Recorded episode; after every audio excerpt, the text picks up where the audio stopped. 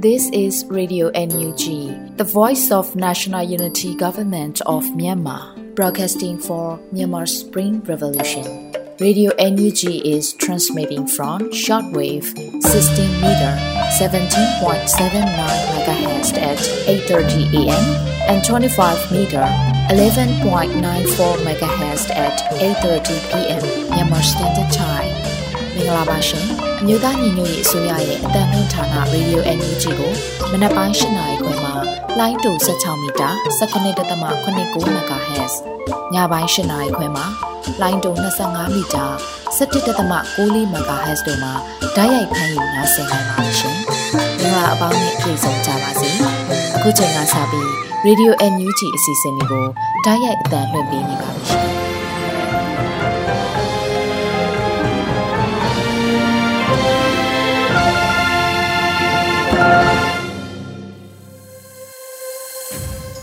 ရေဒီယို NUG သောတာရှင်နေနဲ့မြန်မာနိုင်ငံသူနိုင်ငံသားအပေါင်းတဘာဝပြီးစစ်အာဏာရှင်ဘေးတို့ကနေကင်းဝေးပြီးကိုစိတ်နှပြကျန်းမာချမ်းသာလို့ဘေးကင်းလုံခြုံကြပါစေလို့ရေဒီယို NUG ဝိုင်းတော်သားတွေကဆုတောင်းမြတ်တာပို့သလိုက်ရပါတယ်ရှင်။ဒီကနေ့2023ခုနှစ်ဩဂုတ်လ15ရက်နေ့ရေဒီယို NUG ညပိုင်းအစီအစဉ်လေးကိုစတင်ထုတ်လွှင့်ပေးပါတော့မယ်။ပထမအဆုံးအနေနဲ့ပြည်တွင်းသတင်းတွေကိုတော့ຫນွေဦးမုံကဖတ်ကြားတင်ပြပေးပါမယ်ရှင်။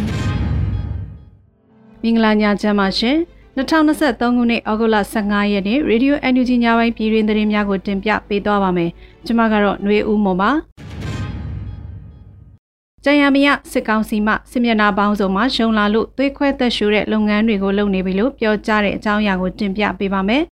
စစ်ကောင်စီဟာတနေ့တခြားကြာရှုံးလာပြီဖြစ်လို့ကျွန်တော်တို့ဒေါ်လာဟာမကြခင်ပန်းနိုင်ကိုရောက်တော့မယ်ဆိုတာကိုလည်း2023ခုနှစ်ဩဂုတ်လ10ရက်နေ့မှာကျင်းပတဲ့ကချင်အာဇာနည်နေ့အခမ်းအနားမှာ ဗိုလ်ချုပ်ကြီးအင်ဗန်လာကလည်းထဲသွင်းပြောကြားသွားတာကိုတွေ့ရပါတယ်။ကြံရမရစစ်ကောင်စီမှစစ်မျက်နှာပေါင်းစုံမှရှုံလာလို့သွေးခွဲသက်ရှူတဲ့လုပ်ငန်းတွေကိုလုပ်နေပေမဲ့လည်းတိုင်းသားပြည်သူလူထုတရက်လုံးနဲ့တော်လှန်ရေးကောင်းဆောင်အသီးသီးကစစ်ကောင်စီရဲ့သွေးခွဲသက်ရှူမှုကိုလက်မခံဘဲအာဏာရှင်စနစ်ကြားဆုံးရေးဆိုတဲ့မူကိုကင်ဆွဲပြီးတော့နှွေဦးတော်လှန်ရေးမှာပူးပေါင်းပြီးတော်လှန်နေကြတယ်လို့အကုလ14ရက်မှာပြုလုပ်တဲ့ပြည်သူလူထုထံသို့နှွေဦးတော်လှန်ရေးအောင်ပွဲသတင်းများတင်ပြခြင်းမှာကာကွယ်ဝန်ကြီးဌာနဒုတိယအတွင်းဝင်ဦးမမောင်ဆွေကပြောကြားပါတယ်။ဒါအပြင်ဖက်စစ်ဝင်ငွေဖြတ်တောက်ရေးဗန္နာတိုက်ပွဲကိုလည်းစတင်နေပြီးစစ်တပ်ထုတ်ကုန်ရွှေမျိုးဖြစ်တဲ့အရက်ဘီယာ secret များကိုနှစ်လတွင်းရောင်းအား80ရာခိုင်နှုန်းကျဆင်းအောင်ပြည်သူလူထုပူးပေါင်းပါဝင်မှုနဲ့လှုံ့ဆော်နေတယ်လို့ဆိုပါတယ်ရှင်။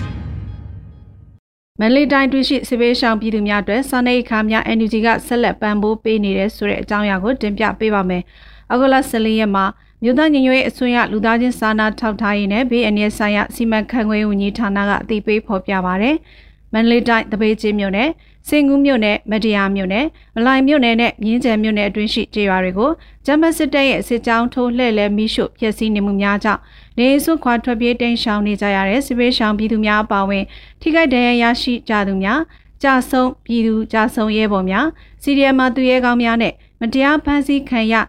နိုင်ငံရေးအကျဉ်းသားများ၏ကျန်းရည်သူမိသားစုများအတွက်လူသားချင်းစာနာမှုအကူအညီများကိုပြည်သူမှပြည်သူတို့လူဒန်းငွေများဖြင့် ဆက်လက်ထောက်ပံ့ပေးလျက်ရှိတယ်လို့အောက်ဂွန်လ14ရက်မှာမြို့သားညီညွတ်ရေးအစိုးရလူသားချင်းစာနာထောက်ထားရေးနဲ့ဘေးအန္တရာယ်ဆိုင်ရာစီမံခန့်ခွဲဝန်ကြီးဌာနမှအသိပေးဖော်ပြပါရယ်မလီတန်တွင်ရှိအစိုးရမြို့နယ်များ၌ဇွန်လမှအောက်ဂွန်လအထိ3လတာကာလအတွင်းထောက်ပံ့ငွေ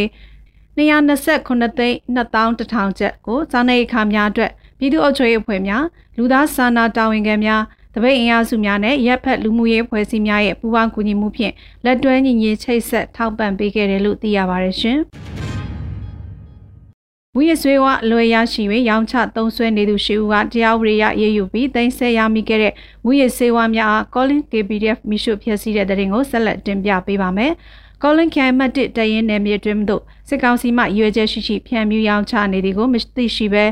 မူရစေဝအလွယ်ရရှိ၍ရောင်းချသုံးဆွဲနေသူရှိဦးကတရားဥပဒေရရေးယူပြီးတင်ဆက်ရမိခဲ့တဲ့မူရစေဝများကိုဌာနဆိုင်ရာလေးခုနဲ့ PDF တရင်တို့မှမိရှုဖြစ်စီပစ်ခဲ့ပါတယ်လို့အောက်ဂလ15ရက်မှာ Calling ခရိုင်မှတ်1တရင်ကအသိပေးဖော်ပြပါဗျ။စစ်ကောင်စီကပြည်သူများပေါ်တစ်ဖက်လက်နဲ့လက်နက်တပွဲမွေးရစေဝါများကိုတော်လိုင်းနယ်မြေအချို့မှာဖြန့်မြူလာကြောင်းသိရပါတယ်ရှင်။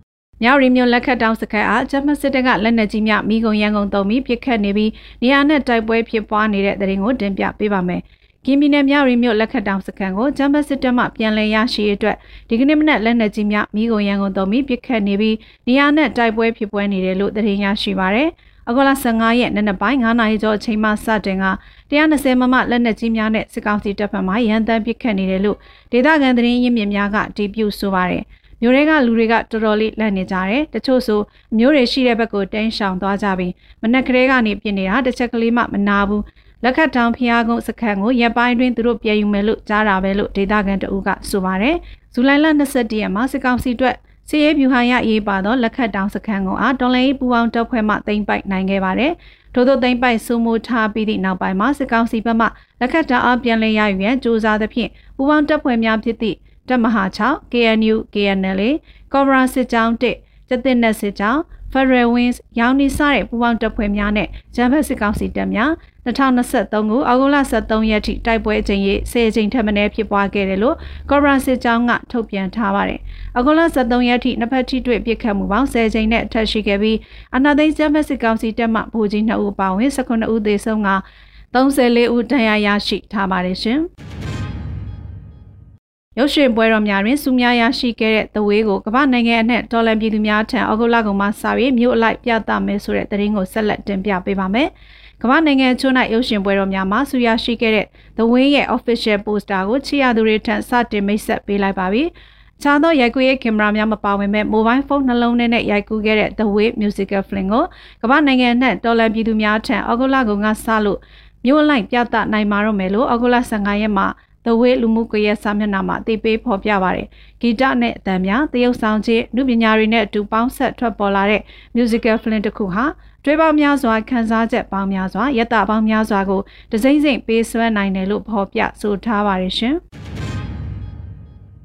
နွေဦးဒေါ်လေးအတွက်ရမငွေရှာဖွေပေးနေတဲ့နွေဦးလက်ဖက်ရည်ဝိုင်းမှအောက်ကွန်လအတွင်းဈေးရောင်းချငွေနဲ့လူငွေစုစုပေါင်း16000ကျော်ရရှိတဲ့သတင်းကိုဆက်လက်တင်ပြပေးပါမယ်။အ မေရိကန်ပြည်ထောင်စုဆန်ဖရန်စစ္စကိုဘေးအေရီးယားမှာနွေဦးဒေါ်လာရဲ့အတွက်ရမငွေရှာဖွေပေးနေတဲ့နွေဦးလက်ဖက်ဝိုင်းမှအောက်ဂုလမှာဈေးရောင်းချငွေနဲ့အတူစုစုပေါင်း16000ကျော်ရရှိခဲ့တယ်လို့အောက်ဂုလ15ရက်မှာနွေဦးလက်ဖက်ဝိုင်းမိသားစုမှအတည်ပြုဖော်ပြထားပါတယ်။နွေဦးလက်ဖက်ရည်ဝိုင်းမိသားစုမှယနေ့ရောင်းရငွေအလှငွေလက်ခံရရှိမှုစုစုပေါင်း16068ဒေါ်လာရရှိပါတယ်။ချက်ပြုတ်လူဒန်းပေးသောလူရှင်များငွေသားလူရှင်များဝယ်ယူအားပေးသောမိတ်ဆွေများ ဝိုင်းဝန်းကူညီသောမိတ်ဆွေများအားလုံးကိုကျေးဇူးတင်ပါတယ်လို့နှွေဦးလက်ဖက်ဝိုင်းမိသားစုကဆိုပါတယ်။နှွေဦးလက်ဖက်ဝိုင်းမိသားစုဆန်ဖရန်စစ္စကိုဘေးအေရီးယားဟာလစဉ်စားတောက်များကိုချက်ပြုတ်ရောင်းချပြီးနှွေဦးတော်လိုင်းရန်မုံငွေအတွက်တစ်ဖက်တစ်လမ်းကအကျိုးပြုနေတဲ့အဖွဲ့တရက်လည်းဖြစ်ပါတယ်ရှင်။ခုတင်ပြခဲ့တဲ့သတင်းတွေကို Radio Energy သတင်းတောက်မင်းတီဟန်ကပေးပို့ထားတာဖြစ်ပါတယ်ရှင်။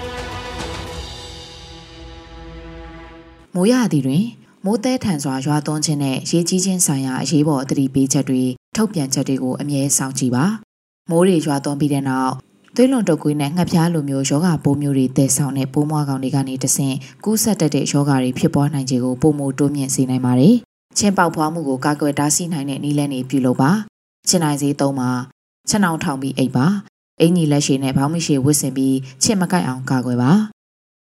မိုးတွေရွာသွန်းပြီးတဲ့နောက်အစားအစာနဲ့ရေညင်ညမ်းမှုကြောင့်ဖြစ်တဲ့ယောဂတွေဖြစ်ပွားနိုင်ခြေကိုပုံမတိုးမြင့်စေနိုင်ပါတယ်။ မချက်ပြုတ်မီဒါမှမဟုတ်မစားသုံးမီတစ်သီးတွေနဲ့ဟင်းသီးဟင်းရွက်တွေကိုသေချာစွာစီကြောပါ။လက်ကိုစနစ်တကျပုံမှန်စီကြောပါ။လမ်းဘေးအစားအစာတွေအထူးသဖြင့်လှီးဖြတ်ပြီးသားသီးနှံတွေကြောင့်ဖြစ်လာနိုင်တဲ့ယောဂဘေးရဲ့နေရာတွေကိုတတိထားပါ။နိုးနိုးကြကြရှိပါစေ။ဘေးကင်းပါစေ။ကျမရဲ့ဝင်ကြီးဌာနအမျိုးသားညီညွတ်ရေးအစိုးရ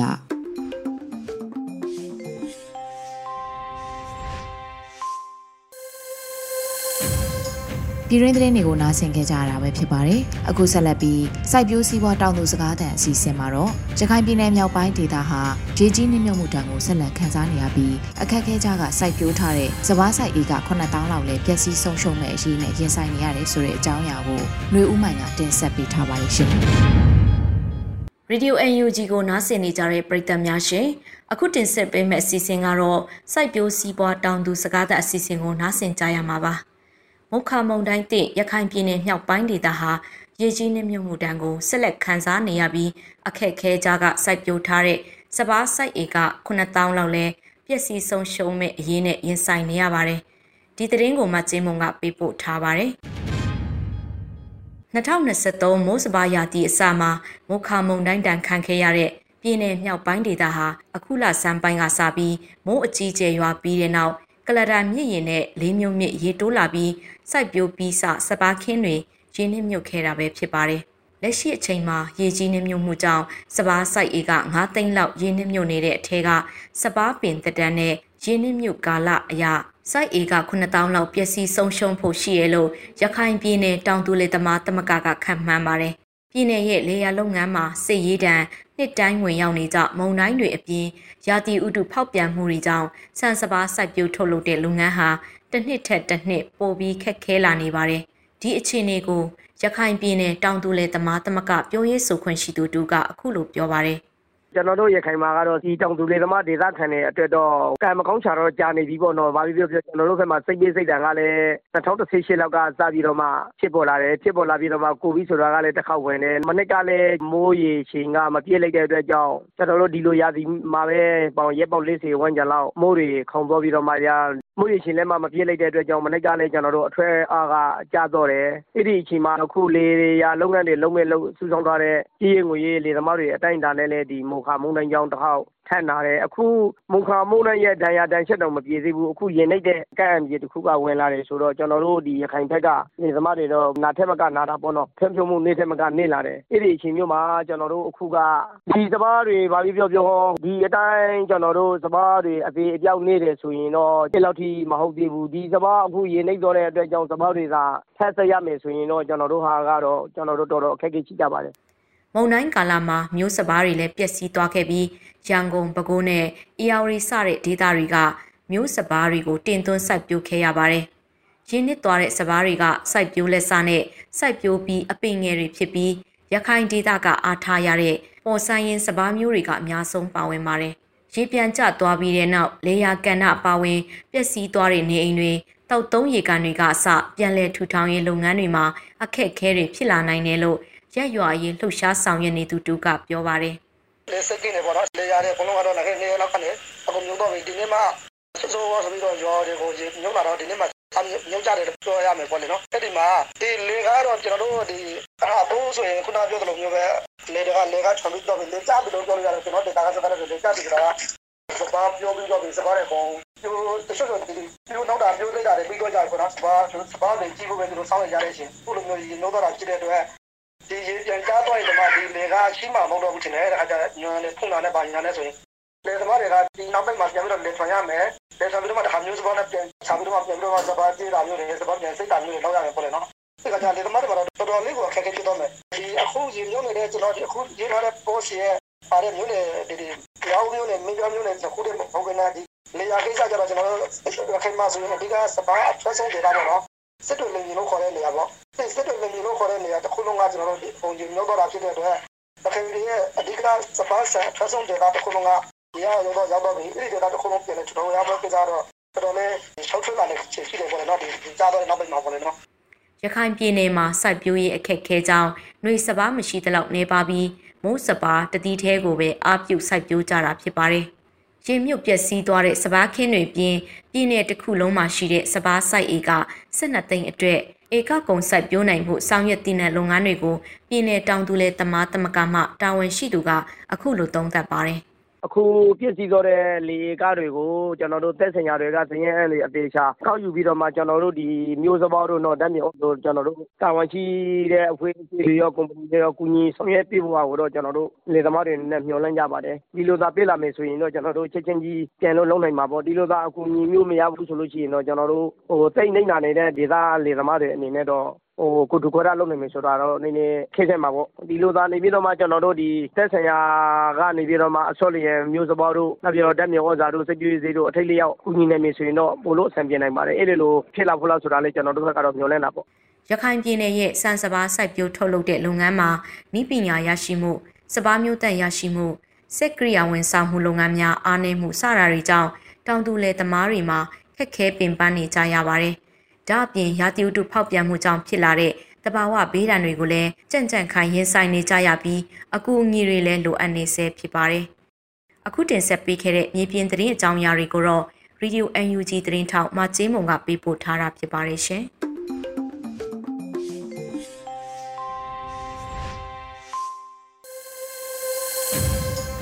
တော်ရရှင်များရှင်အခုဆက်လက်ပြီးတော်လရေးကြပြကဏ္ဍမှာတော့ခိုင်မျိုးရေးဖွဲ့ထားပြီးနှွေဦးမှုခန်းစားရွတ်ဖတ်ထားတဲ့ရွာထဲမှာလို့အမည်ရတဲ့ကြပြကိုထုတ်လင်းပေးလိုက်ပါရရှင်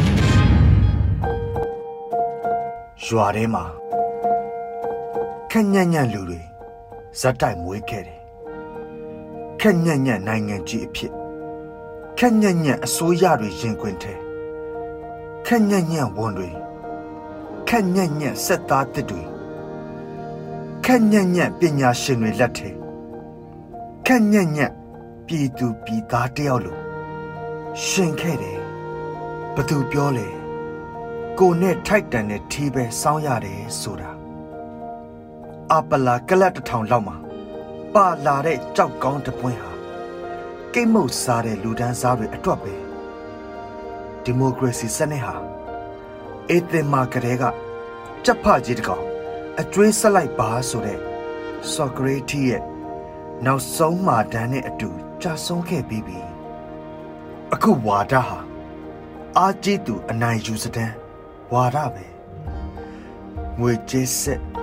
တယံဇာတစစ်နီးပညာစစ်ရင်ကျေးမှုတောင်စစ်ပွဲတွေရောင်းနေပြီမဟုတ်လားတက္ကသိုလ်ဆိုတာလေတာမန်လူတက်တဲ့တက္ကသိုလ်နဲ့မွေးမြူရေးတက္ကသိုလ်ဆိုပြီး နှစ်ခုပဲရှိရဲ့ခုမိတ်ဆွေကဘယ်တက္ကသိုလ်ဆင်းလဲဘလောက်တက်မြောက်ခဲ့သလဲသူတော်ကောင်းတရားခုနှစ်ပါးကတက္ကသိုလ်ပညာထဲတော့ပါမလာခဲ့ဘူးမဟုတ်လားမွေးမြူရေးတက္ကသိုလ်မတက်လိုက်ရတာပဲကိုဘဝကိုကျင်းနေရဲ့ဟာတပေါ်တဲ့တိုင်းပြည်ထဲရီမောချင်းရတာနဲ့နေတက်စွာရီမောနေခဲ့ပါတယ်ရွာထဲမှာ ခိုင်မျိုး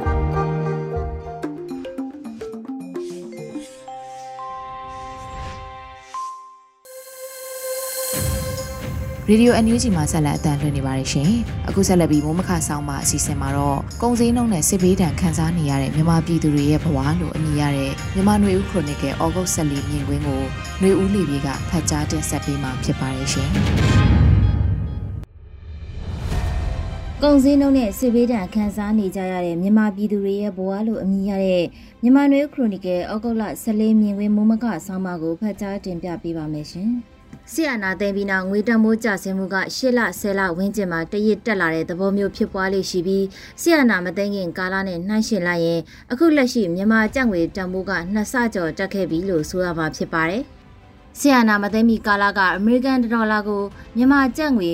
1900 1800ဝန်းကျင်ရှိခဲ့ရကအခုလက်တလောငွေလဲနှုန်းဟာဒေါ်လာကို3400 3500ကျော်ရှိနေပြီဖြစ်ပါတယ်။ယမန်နှစ်2022ခုနှစ်ဧပြီလမှာတရစ်တက်လာသလိုအဲဒီနောက်ဩဂုတ်လဝန်းကျင်မှာကျပ်3000နီးပါးကိုရောက်ပြီးအနှဲငယ်ပြန်ရော့ကျသွားချိန်မှာ2800ကျပ်ဝန်းကျင်မှာလအတန်ကြာရှိနေကြရကမကြသေးမီကကျပ်2000တန်ထုတ်ဝေမယ်ဆိုတဲ့သတင်းနဲ့အမေရိကန်ပြည်အောင်စုရဲ့နောက်ထပ်ငွေကြေးဆိုင်ရာပိတ်ဆို့မှုဖြစ်တဲ့ စစ်ကောင်စီရဲ့နိုင်ငံခြားငွေကြေးဝန်ဆောင်မှုဘဏ်နှစ်ဘဏ်ကိုကန့်သက်တဲ့ပိတ်ဆို့မှုထွက်လာပြီးတဲ့နောက်ကျပ်3000ကျော်ကိုမြင်မြန်ဆန်ဆန်ရောက်ရှိလာတာဖြစ်ပါတယ်။မြန်မာငွေတမိုးကျရခြင်းအကြောင်းရင်းကိုဘယ်အဖွဲ့အစည်းစီးပွားရေးကျွမ်းကျင်သူကမှယတိပြတ်ကောက်ချက်မချနိုင်ပေမဲ့တမိုးရုတ်တရက်ထိုးကြတဲ့အခြေအနေတွေနဲ့အဆိုပါအဖြစ်အပျက်တွေမဖြစ်ပွားမီမူဝါဒဆိုင်ရာဆုံးဖြတ်မှုတွေထုတ်ပြန်တဲ့အမိန့်တွေပိတ်ဆို့မှုတွေနဲ့ရှင်တွဲလစ်လာကြည့်ရင်ဘာအချက်တွေကြောင့်ဆိုတာရေဘူးရအဖြစ်ကောက်ချက်ဆွဲနိုင်တာဖြစ်ပါတယ်။ စစ်ကောင်စီအာဏာသိမ်းကစားမှာအင်တာနက်ဖြတ်တောက်မှုတွေဗန်ထဲကငွေကြေးတွေကိုထုတ်ကြဖို့လှုံ့ဆော်မှုဆီယနာသိမ်းမှုရဲ့အကျိုးဆက်နိုင်ငံတကာအစိုးရနဲ့ငွေကြေးဆိုင်ရာအဖွဲ့အစည်းတွေရဲ့အကူအညီလျှော့ချမှုဖြတ်တောက်မှုနဲ့ပိတ်ဆို့မှုတွေနောက်ဆက်တွဲပါလာမဲ့အလားအလာတွေစုပေါင်းကကျပ်ငွေတန်ဖိုးမတည်မငြိမ်ဖြစ်ပြီးနိုင်ငံခြားငွေစုဆောင်းတာဗန်စင်းတွေကငွေနဲ့ငွေဆက်ကူတို့ရဲ့တန်ဖိုးကွာခြားမှုတွေဖြစ်ပေါ်လာတာဖြစ်ပါတယ်။ အဲဒီကာလကပထမဆုံးအကျိုးသက်ရောက်မှုအနေနဲ့မြန်မာကျပ်ငွေတန်ဖိုးကျဆင်းခဲ့တာဖြစ်ပါတယ်။အဲဒီနောက်မှာမြန်မာနိုင်ငံမှာရင်းနှီးမြှုပ်နှံထားတဲ့နိုင်ငံတကာစွမ်းရည်ဆိုင်ရာကုမ္ပဏီကြီးတွေတယ်လီကွန်လုပ်ငန်းတွေမြန်မာနိုင်ငံကထွက်ခွာကြခြင်းအကြောင်းကလည်းမြန်မာငွေကြေးအပေါ်ယုံကြည်မှုလျော့ကျလာပြီးငွေတမိုးကျဆင်းတဲ့ဖြစ်စဉ်ကိုမီးလောင်ရလေပင့်ဖြစ်စေတဲ့အကြောင်းချက်တွေဖြစ်လာပြန်ပါတယ်။ 2022ခုနှစ်အစပိုင်းဧပြီလမှာတော့စစ်ကောင်စီအနေနဲ့သီရိလင်္ကာနိုင်ငံမှာဖြစ်ပွားတဲ့နိုင်ငံခြားငွေကြေးအကျပ်သေးကြောင့်နိုင်ငံရေးအုံကြွမှုဖြစ်ပွားတဲ့ဖြစ်ရပ်ကိုကြည့်ပြီးပြည်ရင်းကိုနိုင်ငံခြားငွေပုံပုံဝင်ရောက်လာဖို့နီလန်အမျိုးမျိုးစဉ်းစားအကြံထုတ်ကာဘိုးဘန်ကနိုင်ငံခြားငွေဆိုင်ရာမူဝါဒနဲ့အမိန့်တွေကိုဇက်တိုက်ဆိုသလိုထုတ်ပြန်ခဲ့တာဖြစ်ပါတယ်။စစ်ကောင်စီအနေနဲ့နိုင်ငံသားငွေကြေးများများရဖို့ပို့ကုန်ကရလာတဲ့ငွေကြေးတွေကို ရခိုင်နှုန်းဘယ်၍ဘယ်မျှကို24နာရီအတွင်းမြန်မာကျပ်ငွေအဖြစ်ပြောင်းလဲဖို့အမိန့်တွေညွှန်ကြားချက်တွေ2022ခုနှစ်ဧပြီဝန်းကျင်ကစလို့ထုတ်ပြန်ခဲ့တာဖြစ်ပါတယ်။စစ်ကောင်စီအနေနဲ့အဲ့လိုနိုင်ငံသားငွေအသေးအံလိုအပ်နေချိန်မှာပဲတစ်ဖက်မှာလည်းလူသားချင်းစာနာမှုဆိုင်ရာအကူအညီတွေစွမ်းဆောင်ရည်မြင့်တင်ရေးဖွံ့ဖြိုးရေးဆိုင်ရာပြည်ရင်းနဲ့နိုင်ငံတကာ NGO အဖွဲ့အစည်းတွေအတွက်ဝင်ရောက်လာတဲ့ငွေကြေးတွေကိုတော့တင်းတင်းကြပ်ကြပ်စစ်ဆေးမေးမြန်းတာတွေလှုပ်ဆောင်ခဲ့ပြီး2022ခုနှစ်ဩဂုတ်လဆန်းကစလို့ နိုင်ငံတကာနဲ့ပြည်တွင်း NGO တွေအနေနဲ့အစိုးရဝန်ကြီးဌာနတစ်ခုခုနဲ့ပူးပေါင်းဆောင်ရွက်မှု MOU မရှိခဲ့ရင်နိုင်ငံခြားငွေလက်ခံလို့မရအောင်အမိန့်ထုတ်ပြန်တားမြစ်ခဲ့ပါတယ်။ဒီလိုအမိန့်ထုတ်ပြန်ချက်နဲ့တားမြစ်ချက်တွေကြောင့်လည်းမြန်မာကျပ်ငွေပုံမှုတံမိုးရောကြခဲ့ရပြန်တာဖြစ်ပါတယ်။ဒီလိုအဖြစ်အပျက်တွေကသွင်းကုန်ထုတ်ကုန်စီးပွားရေးလုပ်ငန်းတွေနဲ့နိုင်ငံတကာပြည်ရင်း NGO တွေကိုသာထိခိုက်တာမဟုတ်ပဲနိုင်ငံခြားငွေလဲနှုန်းတွေမြင့်တက်ပြီးပြည်ရင်းမှာကုန်စည်နှုန်းတွေတစ်ခုပြီးတစ်ခုမြင့်တက်တဲ့အကျိုးဆက်ကိုဖြစ်ပွားစေတာဖြစ်ပါတယ်။ ဒေါ်လာဈေးတက်တဲ့အခါချက်ချင်းတက်ရောက်တဲ့ကုန်ပစ္စည်းတွေကလောင်စာဆီဖြစ်ပြီးဓာတ်ဆီဒီဇယ်ဆီဆေးဝါးနဲ့ပြပကတင်သွင်းရတဲ့လူသုံးကုန်ပစ္စည်းတွေစာပြောရေးလုပ်ငန်းအတွက်လိုအပ်တဲ့မြေဩဇာစသဖြင့်လူတွေရဲ့နေစဉ်ဘဝမှာသုံးစွဲနေတဲ့ဆီမြင်းမြန်ဆန်ဆန်တက်ရောက်လာတာတွေ့ရမှာဖြစ်ပါတယ်။ယူကရိန်းရုရှားစစ်ပွဲဖြစ်ပွားမှုရဲ့ကြရက်လောင်စာဆီဈေးမြင့်တက်မှုရိတ်ခါစားသုံးစီဈေးမြင့်တက်မှုတွေကလည်းမြန်မာနိုင်ငံကိုအနည်းနဲ့များတက်ရောက်မှုတွေရှိခဲ့တာဖြစ်ပါတယ်။အထက်မှာပြောခဲ့သလို ကျန်းငွေတံမိုးကြရခြင်းနဲ့ဆက်နွယ်နေတဲ့အကြောင်းချက်တွေအဖြစ်အပျက်တွေနဲ့အတူမြန်မာနိုင်ငံမှာဆီယနာသိမ်းမှုရဲ့နောက်ဆက်တွဲအကျိုးဆက်တွေဖြစ်တဲ့လက်နက်ကင်တိုက်ပွဲတွေစစ်မှတ်ဖြစ်ပွားရာပြည်내နဲ့တိုင်းတွေကိုဆက်သွယ်ထားတဲ့ကားလမ်းရေလမ်းတွေမှာဖျက်တောက်မှုပိတ်ဆို့မှုဂိတ်ကျေးဆက်ကျေးလို့ခေါ်ဆိုကြတဲ့အခွန်ကောက်တွေမကြုံဘူးလောက်အောင်မြင့်တက်များပြားလာတာတွေကြောင့်ပဋိပက္ခ area အဲ့ဒီ area နဲ့ဆက်ဆက်နေတဲ့ဒေသတွေကကုန်စည်နှုန်းမြင့်တက်မှုတန်ကို အဆိုးရွားဆုံးခံစားကြရတဲ့ဒေသတွေလို့ဆိုရမှာဖြစ်ပါတယ်။တာရကတစ်ခုအနေနဲ့ပြရမယ်ဆိုရင်ချင်းပြည်နယ်ရဲ့တောင်ဘက်ကမြို့နယ်လိုဖြစ်နေတဲ့ပလောဝမြို့နယ်မှာဆိုရင်ရခိုင်ပြည်နယ်ကြောက်တော်မြို့ကိုဖျက်ကာဆက်သွယ်ထားတဲ့ရေချောင်းလမ်းကသာလျှင်ရိတ်ခါတွေတဲ့ဆောင်နိုင်ပြီးဆရာနာမသိမ့်မိကလေးကဖြစ်ပွားခဲ့တဲ့လက်နက်ကင်တိုက်ပွဲတွေကိုအကြောင်းပြုပြီးစစ်ကောင်စီဘက်ကရိတ်ခါတည်ယူမှုကိုကန့်သတ်ထားတာကြောင့်စံတိတ်ကိုတသိန်းကျော်ပေးဝယ်ရတဲ့အဖြစ်က အခုမှဖြစ်ပွားတာမဟုတ်ပါဘူး။ငကိုကဖွံ့ဖြိုးမှုနောက်ကျတဲ့ဒေသဝင်ငွေနှိမ့်ကျနေရတဲ့အခြေအနေမှာပိတ်ဆို့မှုကြောင့်လောင်စာစီနဲ့ဆန်ဆေးဝါးတွေကိုဈေးနှုန်းကြီးမြင့်စွာဝယ်ယူနေရတဲ့ဒေသခံတွေရဲ့ဘဝကမြန်မာနိုင်ငံရဲ့အခြားသောဒေသတွေထက်ကိုခက်ခဲတာဖြစ်ပါတယ်။ဆီယနာသိမ့်ပြီးတဲ့နောက်မှာတော့ပလက်ဝလိုအခြေအနေမျိုးကိုကရင်ပြည်နယ်မှာတော့၎င်း၊စကိုင်းတိုင်းထဲမှာတော့၎င်းကြုံလာကြရတာဖြစ်ပါတယ်။ကုန်းတွင်းပိတ်နေတဲ့ဒေသတွေအဖို့ ရိတ်ခါလောင်စာနဲ့ဆေးဝါးတို့ကိုလက်နက်ကင်တက်တွေကြီးစိုးထားကြရဒေသတွေကဖြတ်ပြီးတဲ့ဆောင်မှာမတတဆအခွန်ကောက်တွေကပိုကြီးမားတဲ့ဝင်တော့ဝင်ဖို့ဖြစ်စေပြီးဝယ်ယူစားသုံးနိုင်တဲ့အင်အားကိုပုံမရော့ရော့စေတာဖြစ်ပါတယ်။စံစဘာပေါ်များတဲ့စကိုင်းတိုင်းလိုမျိုးမှာလက်နက်ကင်တက်ပွဲတွေကြောင့်အရင်လိုစံစဘာကောင်းကောင်းမွန်မွန်မဆိုင်ပြိုးနိုင်ကြတော့ပဲရှိတဲ့ရိတ်ခါတွေကိုလည်းစစ်ကောင်စီစစ်ကြောင်းတွေဝင်လာချိန်မှာမိရှို့ဖျက်ဆီးခြင်းခံကြရတာလည်းဖြစ်ပါတယ်။ဒီလိုအခြေအနေတွေပိတ်ဆို့မှုတွေ ကုန်စည်နှုန်းမြင့်တက်မှုတွေကဆက်လက်ဖြစ်ပေါ်နေအောင်မဲ့အနေအထားဖြစ်ပြီးအခုနှစ်မိုးရသည့်ရေကြီးမှုတွေကရိခါစိုက်ပျိုးထုတ်လုပ်မှုအထူးသဖြင့်စံစဘာစိုက်ပျိုးမှုကိုထိခိုက်မဲ့အလားအလာတွေတွေ့မြင်နေကြရတာပါ။လာမယ့်နှစ်မှာစံစဘာထုတ်လုပ်မှုရော့ကျတာကြောင့်စံစဘာတွေဈေးထက်မှန်မြင့်တက်နိုင်ခြင်းကြံငွေတမိုးကျမှုကြောင့်လက်ထက်ကငွေကြေးကဝင်နိုင်တဲ့ပမာဏရော့ကျသွားတာတွေနဲ့ မြန်မာနိုင်ငံကအောက်ဆုံးအလွှာကလူမှုအနေနဲ့ဒုက္ခတွေကိုခါးစည်းခံကြရအောင်မဲ့အနေအထားမျိုးဖြစ်လာနေတာစိတ်မကောင်းစွာနဲ့တွေ့ကြုံနေကြရတာဖြစ်ပါတယ်ရှင်။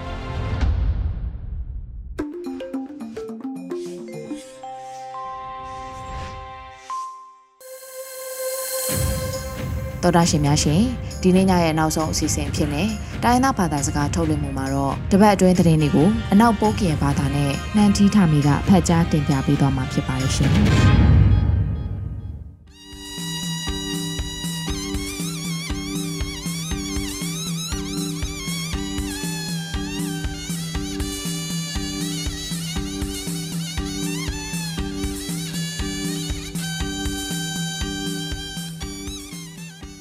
မမကိုဟန်ဒေလာစေပစုံဝိဆုံမဘာနတိလဆူဆာစီစရှောင်းဝဲပဒူအန်ယူဂျီလန်ခွေလူပလုံရှိုးစတီလန်ဒလန်ပနော်လဝနယောအိုင်ဒိုဒပလက်ချေမနတိမကနုယာတမ်ပဘတ်စတရာလန်ထာစပရလဖာနော်လပါလကဒပလောက်တန်စပရလဖာနော်ဘမဝိဒယာနဲ့ထိထမိန်နော်လစပရခန်တကရွေးနမဝိဒါတတန်တိုင်းဖက်ဒရယ်ဒီမိုကရေစီခတ်စကောက်ကနေကကာဝခလဖလဆူစာလက်ဖာယောနော်အဂိုင်အနော်ကကမပရန်ခွေ ဒူဒါဖက်စစ်တမှုရနောဂိုင်လမ်ဘာလနွီစီတဘလဘလပဖလုံးမတူရာမှုနိစနိုင်တို့ဆူဆာစီစချောင်းဟဲ့ပဒုကကုဒုလဆူလလန်တူဝလရှိလာနော်ခလိုင်းဆုံဝေးဆောပါတဲ့စနော်လောကဒိုနီမှာဆူဆာစပါလူခွေခါအောကန်တဲ့ကတထန်တိုင်းဖက်ဒရယ်ဒီမိုကရေစီခက်ဆက်ကောက်ကနေကကာဝခလဖလုံဆူဆာပုလဖာယောကောကမပရန်ချိုင်ခွဲဒူဒါဖက်စစ်တမှုရနောအဂိုင် လမ်မလန်နီထောင်နိစီတနေလာအောက်ကကစီနီတလအမွဲနွိစီတဘလလဘလပဖလုံးမတူရာမှုနီဖလောင်လောင်ဝိဒါနော်လောလက်ဘူယောနွေဥစဒဆရာထိုင်ဆပ်ဖ KNU KIA ဘုတ်စိတ်ဆတ်သူစူစာစုဖောအပူကောလဖယောမခုလန်ထိုင်ဆက်လက်စူစာစီစချောင်းဝဲပဒုလက်ထိခန့်ဂိုက်တောက်ဂိုက်စပိတ်စမလဖနောဂိုက်ပတိယဘာနော်လောစပရလက်ခိုက်ကြွေးနော်မွေဝိဒါဟုတ်လားခအမေရိကပလန်ကုတ်ဒူလဖာ စေလန်ထိုင်လက် MOU LOA တပန်လခုလက်စထုတ်တာကနေကခဆောက်ခန်ဒူဒေါက်တာဇော်ဝေဆိုနောလလအောက်ကကစင်နီတအဝေလေးကဝေဝန်လက်ခအမေရိကစလီစထိုင်ကအလန့်ခိုင်ဒုဖောက်ထဝိဒါလက်အဝေ Facebook လိပ်လက်ဖန်ကုနော်လောလေထာဆွေဒါလက်ခအမေရိကဘလန်ကိုဒူနွေလန်နောကကန်ခုလန်ထိုင်ခပ်ပြစကဘကုတ်တီအခိုင်နော်လောလက်စကာခုလဖန်ကိုအောက်ကီဒူကခုလန်ထိုင်စကဘကုတ်တီခိုင်နော်လောလဲ MOU လက်ဖအဖလာ LOA လက်ဖာဖောစီဘတိုစီလန်ထိုင်စုမှုတတ်ဘလန်ခိုလိစနိုက်ကနီအကဒေတထန်ထိုင်ထော်လရတိခတ်တန်ကပဂိုင်ဖလဖာစီကခုလန်ဝိဒါနော်လောလေလက်ခအမေရိကတိခန့်ဘစဖိတ်စမစလေးဆက်ထိုင်ဆက်အတူလအမွဲခဆာခွန်ဒူဒေါ်တာဇောဝဆူရစတန်ဆိုင်တန်လန်နေထောက်နေစီတန်နေလာမေတန်နေစီကထောက်ဆူဝိဒါလန်နေထောက်နေစီတန်နေလာယူလန်နေစီကတန်နော်ကပတိယဘာနော်လော လက်စလီစထိုင်ဖဒါခုလန်ထိုင်ပဒူလမွဲ့ပါခအမေရိကပမာဆဆအဖူကောနွိပူရနောဂိုင်စီပတိယဘာနော်လောစပရလက်ခိုက်ကရွေးနမွဲတာအလခပြတိခပူတာစိတ်လက်ဖာယောပါဒါဆရာလတမှုအဖူကောစဒုစခါဆလကဘယူဖလောက်လက်ဖာအကလာဘာအော်လက်စတစတလန်စတမိုင်အယူဆဖဘာတောက်လူထိုင်စနောအဂိုင်လလာအောကကစီလီတဲ့အန်ယူဂျီရှာခွင့်ရိုက်ခန်းတူနေကလကဦးအောက်ကျုံမူနော် ကွေဒဖလောက်တန်ထားဝိတာလက်အဝင်တွေ့တာလက်ပဲဖန်ခုနော်လောအလခပြတိခံဖောပူတာစိတ်လက်ဖာယောလက်စကဆကဘွန်ယူဖလောက်စဒုစခလက်ဖာအကလာအဝေဒီယောဘအန်ယူခကိစ္စအဖဘတ်ထမလုစနောအကိုင်နော်လောဆက်ယောနော်ပြုဆောင်မောက်ဆလပတာဖနောပကဒါဖလန်ဆုနော်လောတမှုပမာအမတန်ဆယောဘုတုပပထခွေတာအကတိခအနိုင်ခေါလဖာစိကဘာမခုလန်ဆလူဝေဒါနော်လော ပမာအမတန်ဆဆကဆတမှုယောလနိထောင်နေစီတနေလာအပရစီတန်အထောလက်ချက်စုခနာဝေဘူးလာဝေယောဒုထဝိဒါလက်ကဘယူဖလာနောအခါ CDN ကြောက်ခုဒဲအဝေးသည်ရိတ်တော့ဖို့ဘာတိခွေဝိဒါခွေရကောလက်လာအပရစီကတန်လက်စကဲခနာလုံးဖာဒုကမ်ပလူဝိဒါပစီချီတဝန်ဖစီခါထဝိဒါလက်ကဘယူဖလာနောအချာဘာတိခွေဝိဒါအကကရဟူးစီဟိုကနောကပတိယဘာနောလော စပရလက်ခိုက်တကရွေးနမဝိဒါလက်ကရစိခန္တော်စဒုစခလက်ဖာအဖစကဆလက်ဖာလန်တိခွေအာကောကောကောလက်စဒုဆရာတဲ့စအပူကောလက်ဖာယောဒုနိမာချိုင်ကလောင်းတာတဲ့စူဝိုင်ဖတ်ဒူလက်ဖာအကလောင်းတာလက်ဖာနော်အဂိုင်လက်လာယူလန်နိစီခိုတန်လက်ဖလုစုခန္တော်ဖာဆောက်စဒုစခအဖစကဆကကိုင်းနော်ဗထိုက်စာဝိဒါကောအဝေးဒီလန်တိအဝိဒါကောအီမွဲဒီမောဆို PDF အဖူအကောင်နော်ဒူနိထိုင်ပါစူဝိုင်းတဲ့ကလောင်းတာလက်ဖာရဒုနိထိုင်ဝဒါလက်ဂမနော်လောလလာအောက်ကစီးတန်တဲ့လာအောက်ကကစင်ဒီတန်ချော့ကိုက်ထလအမွဲဒီမိုဆူဝိတာဘောလအမွဲလက်စဒစခါမုတ်ဘောလက်စကဆာအတမှုကကိုင်နော်လန်ထေခွေကနိစိပလနော်အကပတိယဘာနော်လောလက်ဝေးတီဒုနိမှာစူဝိုင်းလက်ဖာအဖောစဖောက်ဖာလက်ဖာဒဲဆဲစူဝိုင်းလက်ဖာကလောင်းတာလက်ဖာဒဲဆက်စုဝိုင်းဖတ်တို့အကလောင်းတာလက်ဖာပါဝိဒါနောအဂိုင်းပတိယဘာနော်လော မကနုရတပ်ဘဘစထရလန်တာစပရလဖာနောမဒါခွေရလခုနဆက်တဲ့ပခပ်ပြတိခစီဘိုတိုကဒိုနီမာစမှုဆရှုစုပလိုက်ကပစုံစုဘဘာနော်လော